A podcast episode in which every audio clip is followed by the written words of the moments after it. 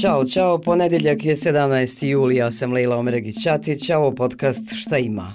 Pa lagano da krenemo. One, two, three, Pošto ste možda i uče propustili jer je bila nedjelja, na početku podsjećam da je dužnost predsjedavajućeg predsjedništva Bosne i Hercegovine po principu rotacije u narednih 8 mjeseci preuzeo Željko Komšić. A ono što bi prema prošlosedmičnim najavama predsjednika Republike Srpske Milorada Dodika trebalo danas da očekujemo su prijedlozi za deeskalaciju situacije u institucijama BiH. Ono što je važno reći jeste da smo nešto kao se dogovorili o tome da u ponedeljak tri strane dostave neke svoje prijedloge gledanja kako će se to deeskalirati. Kaže da je to dogovoreno na sastanku najviših zvaničnika oba entiteta sa generalnom direktoricom za Evropu u službi za vanjske poslove Europskom unijom Angelinom Eichhorst koji je održan 12. jula. Nakon tog sastanka Dodik je na preskonferenciji u Istočnom Sarajevu rekao i ovo. Moramo da napravimo, napravimo neku vrstu priče o drživom kretanju ako se nešto hoće. To je dakle pozicija da se riješi problem ministra financija, ko predsjedavajućeg savjeta ministara,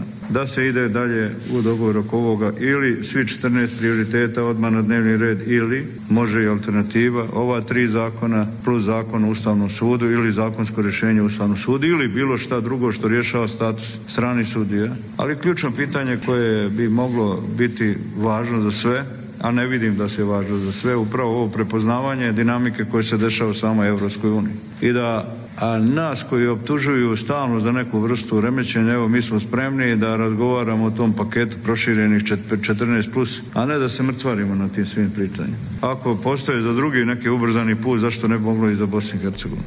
I još da kažem da je za 19. juli u Briselu zakazan sastanak Vijeća za stabilizaciju i pridruživanje između Bosne i Hercegovine i Evropske unije.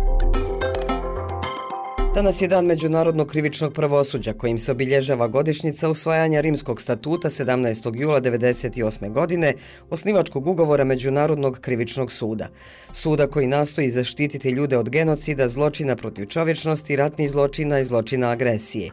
17. juli ujedinjuje sve one koji žele da podrže pravdu i promovišu prava žrtava. Kako možemo obilježiti ovaj dan? Na razne načine. Odaberimo sami, uglavnom da podsjetimo na važnost prava, pravde i pravosuđa. Thank you. Ministar vanjske trgovine i ekonomskih odnosa Bosne i Hercegovine Staša Košarac zatražio je od šefa delegacije Evropske unije u BiH Johana Satlera ove sedmice sastanak u Evropskoj komisiji u vezi sanacije svinjske kuge i oko Trgovske gore. Odlagalište nuklearnog otpada na Trgovskoj gori, koji je od državne granice sa Bosnom i Hercegovinom udaljen svega 850 metara, je problem koji tinja već godinama. Košarac je rekao da je dobio uviravanje da će u Briselu biti organizovani sastanci o ovim temama. A u vezi sa ovim problemom Košarac je ranije izjavio kretanje Hrvatske jeste ispod radara s ciljem očuvanja dobrih bilateralnih odnosa, ali to je njihovo kretanje. Naše kretanje primarno zaštitimo zdravlje 250.000 ljudi. Posmatrački let otvorenog neba počinje danas i trajaće do 21. jula. O čemu se radi? Pa evo, to je obaveza Bosne i Hercegovine iz međunarodnog ugovora, dolaze posmatrački timovi oružanih snaga iz Hrvatske, Turske i Mađarske. Prelet će biti obavljen nenaoružanim avionom turskih vazdušnih snaga po dogovorenoj putanji uz učešće domaćeg pratećeg tima. Ugovor otvorenog neba je sigurnosni aranžman koji zemljama članicama omogućava najavljene nenaoružane izvidničke letove preko zemlje koja je predmet preleta u cilju ustupanja podataka o vojnim snagama i aktivnostima. Svrha je izgradnja i razvijanje povjerenja među članicama.